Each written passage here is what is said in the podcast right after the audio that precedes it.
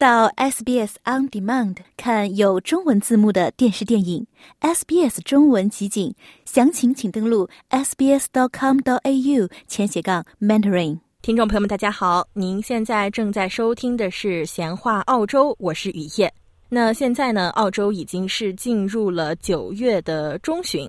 不少生活在东部沿岸城市的听众朋友们呢，您可能已经感受到天气逐渐开始回暖，也是可以脱下比较厚重的冬装，换上比较轻便的春装出行了。特别是如果是生活在悉尼、墨尔本或者是布里斯班这些地方的听众朋友们呢，现在也是一个可以出去游玩的好时机。但是，如果您是生活在阿德莱德，或者是生活在霍巴特这些地方的听众朋友们呢，可能仍然还是会感到一些冬季的寒意啊。可以说，澳洲的天气也是非常的难以捉摸的。那今天呢，我们就借着澳洲的春季来跟大家说一说澳洲的季节的变化，以及春季要防范喜鹊的这个话题啊。相信很多听众朋友们也是有过切身的经历。除此之外呢，我们也要和大家再说一说，在这个春天，我们可以在澳洲去做一些什么。那今天呢，我们请到的还是特约嘉宾 Helen Louis，我们还是先来和 Helen 打一个招呼。Helen，您好。咦你好，听众朋友们，大家好。嗯，Helen 啊，那现在我们已经是到了九月的中旬，可以明显感觉到这个墨尔本的天气是已经回暖了。虽然前几天还是有一些下雨啊，那您有没有感觉到现在这个天气是变得越来越暖和了呢？是啊，现在就觉得天气真的是暖和了。我其实一直在考虑一个问题，我觉得有时候觉得挺奇怪的，就是冬天的话，如果是十五六度的话，就觉得还是挺冷的。但是，一旦入春，就是到了九月份的话，呃，即便是十六。六七度啊，十五六度的天气就觉得会暖和，的确暖和很多。你你是不是这样觉得呢？就是现在还是挺暖和的。是的，是的。每次在这个七月份或者八月份的时候啊，如果是这个十五六度的天气，还是会感觉到非常冷的。虽然说可能如果是在中国这个情况来说的话，从我们这个南方人的角度来说啊，这个十五六度应该是一个比较舒适的温度了。但是在澳洲冬天来看呢，还是比较冷的。但是九九月呢，就感觉虽然这个天气的气温还是一样的，但是整个人的这个周身的感受就是不一样了。对，因为呃，澳洲呢，我觉得刚来的时候我就觉得，呃，他们为什么就是问他春季是什么时候？问澳洲人当地人，他们就说啊，那就是九月一号呗。随后冬季呢，就是六月一号呗。呃，那个时候呢，我其实不太习惯，因为作为在国内长大的呃孩子，我们对自己的二十四节气可能就更注重一点。对我们来讲，就是一年四季之分是跟着节气来走的，所以呢，还是要去。查看一下，呃，什么时候是立春？随后呢，这个时候才觉得啊，是春天到了。但是呢，呃，在澳洲的话，真的是，呃，就是那一个月的月初，就是比如说春天，就是九月一号。所以我觉得这个其实还是挺好记的。嗯，虽然说挺好记的呀，这个九月一号是春天，三月一号是秋天，那十二月一号呢就是夏天，六月一号是冬天。虽然听上去可能比较好记啊，但是在我们就是生活中的观察来看，有的时候对我们穿衣啊、出行，其实这个参考的意见可能不是那么的准确。那 Helen 在澳洲是不是有一些其他的，像我们国内的这个二十四节气这种，可以去代表这个天气的变化呢？呃，其实呢，在澳洲来讲呢，澳洲的原住民其实他们有他们自己的一套季节，我们说的是四季，但是呢，他们有。更多的不同的季节，因为现在就是对原住民的文化总体来讲是越来越重视了嘛。呃，其实呢，原住民不是一个就是一个单一的群体，各个不同的部落呢，还有他们不同的文化。呃，他们不是根据那个公历去算那个春夏秋冬的，他们呢还是根据气候变化、呃天象之类来去分别他们自己所形成的一套季节。所以，如果大家有兴趣，呢，其实可以去那个澳大利亚气象局的网站上去，可以了解一下原住民的一些天气知识。他们可能更是从就是实际经验来出发吧。季节转换方面，可能应该是比那个九月，最后十二月，最后。三月，随后六月这样春夏秋冬去转换呢，就更加准一点吧，也许。嗯，是啊，正如 Helen 所说呢，其实不少原住民社区呢是以这个现象，就相当于我们国内可以说什么时候可以去播种了，什么时候可以去收成啊，以这些时节或者是一些需要去做的事情来划分这个一年的季节。所以呢，其实有很多的气候学家是认为啊，原住民的记录是比以欧洲为主的四季描述来说是有很大的出入，但是也是更加贴合于澳洲的实际情况。所以说呢，有幸趣的听众朋友们可以去登录澳大利亚气象局的网站去查询更多的相关信息。那如果您是登录到这个网站之后呢，是可以看到一个非常大幅的澳洲地图，然后上面呢也会标注出不同的原住民部落或者是社区的名称。您只要点进去之后呢，就可以详细查看每个社区对澳洲天气的不同的定义了。其实也是非常有趣的啊。那说到澳大利亚的春天，Helen。在你的脑海中最先想到的是什么呢？呃，其实如果说到澳洲的春天呢，最先想到的就是被鸟啄的日子到了。虽然说呢，我们家其实没有经历过，但是呢，很多朋友都经历过被鸟啄。那就要说到 magpie，其实 magpie 可能是属于澳洲国鸟吧。呃，我喜欢叫它澳洲喜鹊。但呢，也有人是把它翻成中雀。其实呢，对于华人的文化来讲呢，喜鹊喜鹊嘛是报喜的鸟，但是澳洲的喜鹊是非常彪悍的。嗯，这个彪悍其实我们在日常生活中，或者是在平时的新闻中，也是可以经常看到啊。特别是在他们这个春季繁殖期的时候啊，经常可以看到，比如说有很多骑着自行车的人，在他们的自行车上呢，都会竖起很多尖尖的东西。那其实呢，这个就是为了去防止澳洲的喜鹊去啄他们的头啊。那其实从这一点上就可以来看出，澳洲的喜鹊跟我们这个华人。所熟知的这个报喜的小鸟啊，还是有一定的区别的。那哈伦到底为什么这个喜鹊会出现这样一种这个啄人的行为呢？其实为什么它要啄人呢？因为春季呃是喜鹊筑巢、哺育下一代的。时机，所以呢，对他们来讲，如果他们觉得你对他构成了危险的话，那么他们就会来攻击你。其实呢，并不是说要把你怎么样，只是就是说这是我的地盘，离我远一点，因为我要保证我自己的宝宝的安全，所以呢，他们才会去攻击。当然，我们也要想办法怎么去应对，对吧？嗯，是的。如果是从这个角度来说的话呢，其实很多人是误入了这个正在处于繁殖期、在哺育幼崽的这个喜鹊的领地啊，所以才会无意中被他们攻击。那刚才 Helen 也是说到，如果要防患于未然呢，应该是要采取一些方法呀，也是要运用一些不同寻常的手段啊。那是不是有一些方法可以让我们去避开这些可以说是愤怒的小鸟呢？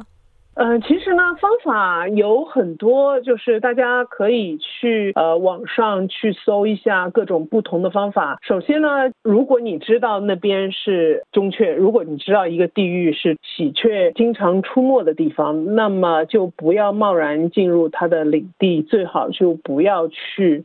能够尽量避开就避开，而且呢，就是穿过一片比较宽阔的区域的时候呢，动作要快，但是不要跑，就是动作快一点，尽快的穿越。但是如果你这个是无法避开的，你是每天都要经过的呢，你可以考虑戴一顶帽子，或者呢，呃，撑一把伞。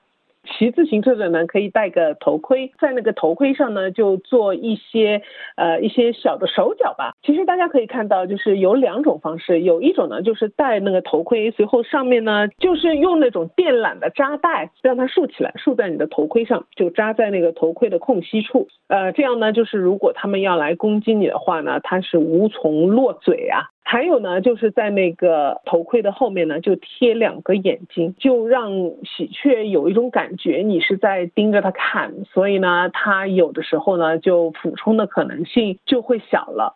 当然了，就是不要把它们作为敌人去攻击它们，因为大家都知道，就是母爱的伟大，所以呢，对他们来讲，如果你攻击他们的话，他会更把你作为一种。威胁，所以呢更会俯冲来攻击你。随后呢，呃，还有就是不要毁掉他们的鸟巢，因为他们要育儿的话，肯定是会重新再去呃重建他们的鸟巢的。当然了，还有就是呃，最好是大家结伴同行吧，这样的话互相也有个照应。呃，有一种说法呢，就是不要去喂俯冲的鸟。但是呢，我这里呢还想补充一点，就是如果你家里附近是有鸟会俯冲的话呢，不妨试着跟他们交一个朋友。其实呢，专家说喜鹊其实是一个非常聪明的鸟，而且呢，它们其实可以认得出人脸。而且呢，它有七年的记忆力，所以呢，它认准了你知道你是不会伤害它的人，它就不会再攻击你了。嗯，说出来大家可能会笑。呃，我每天回家，我的车库门一开，我们家附近的一些喜鹊呢就会过来。嗯，呃，随后呢，它会停在门外的树上，等我慢慢把车开进车库。随后呢，他们就会进车库，因为他知道我在车库的冰箱里呢，呃，存了一些火锅牛肉卷。我存了一些火锅牛肉卷，为什么呢？因为它是首先它是冷冻的，所以呢，就是可以保证所有呃肉里面有可能会有的寄生虫都已经杀死了，而且呢，它非常薄，所以呢化冻非常的快，手里一捏就化冻了。这个我是用来做什么的呢？是用来喂喂这些喜鹊的，因为我不想被它们攻击。时间久了之后呢，我就跟他们做了朋友，所以呢，我们家总是有那几只喜鹊会过来，从来不会攻击我们。我们呢就给他们吃一点肉。首先跟大家说，就是呃不要喂他们面包，因为呢这一些是高热量但是空卡路里的东西，对鸟呢其实并没有好处。喜鹊呢就给他们吃一点肉就可以，最好呢是冻过的肉，可以防止有寄生虫的发生嘛。所以呢就给他们吃，所以他们就非常开。所以，我们家附近呢有一只喜鹊，我们叫它 One Eye，因为它只有一只眼睛，就是一个独眼龙。但是呢，它是已经在我们家附近生活了很多年，很多年了，所以应该有四五年了吧。所以呢，就是他知道，呃，我们是会照顾它的。当然了，呃，如果大家要喂鸟的话，可以试着喂一下，呃，但是要去搞清楚，就是这个鸟到底应该吃什么，不要贸然的去喂一些觉得他们可能会吃，他们的确可能会吃，但是如果对他们没有好处的食物呢，还是不要给。随后呢，也不要天天喂，不能让他们养成习惯，应该是仍然让他们自己去啊觅食，这是对鸟来讲是最健康的方式。所以真的是可以考虑，就是跟呃那些喜鹊交个朋友，随后呢就不会有他们攻击你的危险了。因为根据专家的说法，喜鹊真的是能够认识人的脸。嗯，感觉真的是一个非常暖心的故事啊！可能这也是为什么 Helen 在来澳洲这么多年之后都没有受到过喜鹊攻击的一个原因啊！但是我们也是要提醒听众朋友们呢，每值春天的时候，您还是要做好一个自我的保护工作！因为不知道是不是又有一群喜鹊是最近搬到了您家的旁边，然后也是筑起了自己的爱巢，然后也是有可能在无意中给您带来一些危险。但是无论如何呢，我们还是要秉承保护野生动物的这个爱心，给他们足够的空间，让他们去繁育这个自己的下一代。那其实说到春天呢，不只有鸟会啄人啊，还有一件让我们非常多的听众朋友们，包括我自己非常困扰的一件事情，其实就是花粉症了。那 Helen 现在有感觉到这个花粉症已经来临了吗？我现在觉得是有一点花粉症的迹象了，所以呢，估计大概用不了多久，要开始要天天吃那个西斯敏的药物了，就是 antihistamine。因为，哎，怎么说呢？来了澳洲第一年，我在这边的朋友就说啊，你要注意，可能会有花粉症。第一年我还真的是没有，呃，结果第二年到了春天，突然间又感觉到一出门就是一把鼻涕一把泪的，随后才知道，哎，原来花粉症是那么难受的一件事情。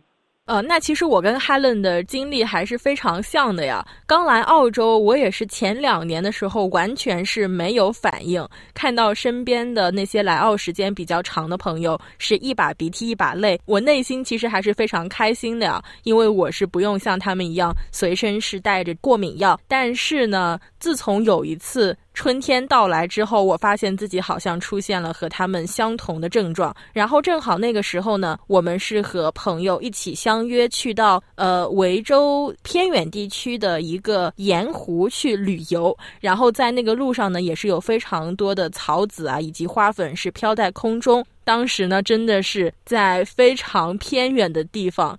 非常难找到一家卖药的、卖过敏药的药店，所以当时真的是像哈伦所说，一把鼻涕一把泪，是坚持到了他们小镇上唯一的一家药店，买了药之后才稍稍的缓解下来。所以说，这个听众朋友们，如果您也是有过敏的症状呢，在这个春天也是一定要做好相应的防范措施。那如果您是刚来澳洲不久呢，也是不要掉以轻心，因为可能是会在来到澳洲一段时间之后呢，出现这个过敏的情况。如果是出现过敏的情况呢，也是要尽快的去向自己的家庭医生或者是向药剂师去寻求相应的帮助。说完这些，可能说是比较扰人、比较困扰大家的一些问题啊。其实春季呢，作为一个春暖花开的季节，也是有非常多。好玩的事情，值得我们去探索，值得我们去期待的。那 Helen，我知道你也是一个非常资深的滑雪爱好者呀。那之前呢，我们也是做过一期有关于滑雪的节目。那现在呢，时间已经是来到了这个九月的中下旬，这个时候是不是也还可以再去滑这个最后一场雪呢？呃，其实现在是滑雪还是可以去滑的，就是呃，怎么说呢？我们经常去的那个 Mount Buller 可能是维州的三座大山里面，呃，雪最少的，是的确有一些雪道呢，就是有一点斑驳不齐了。但是呢，其他的雪道呢还是有雪的。据说下周一周二可能会有比较多的降雪。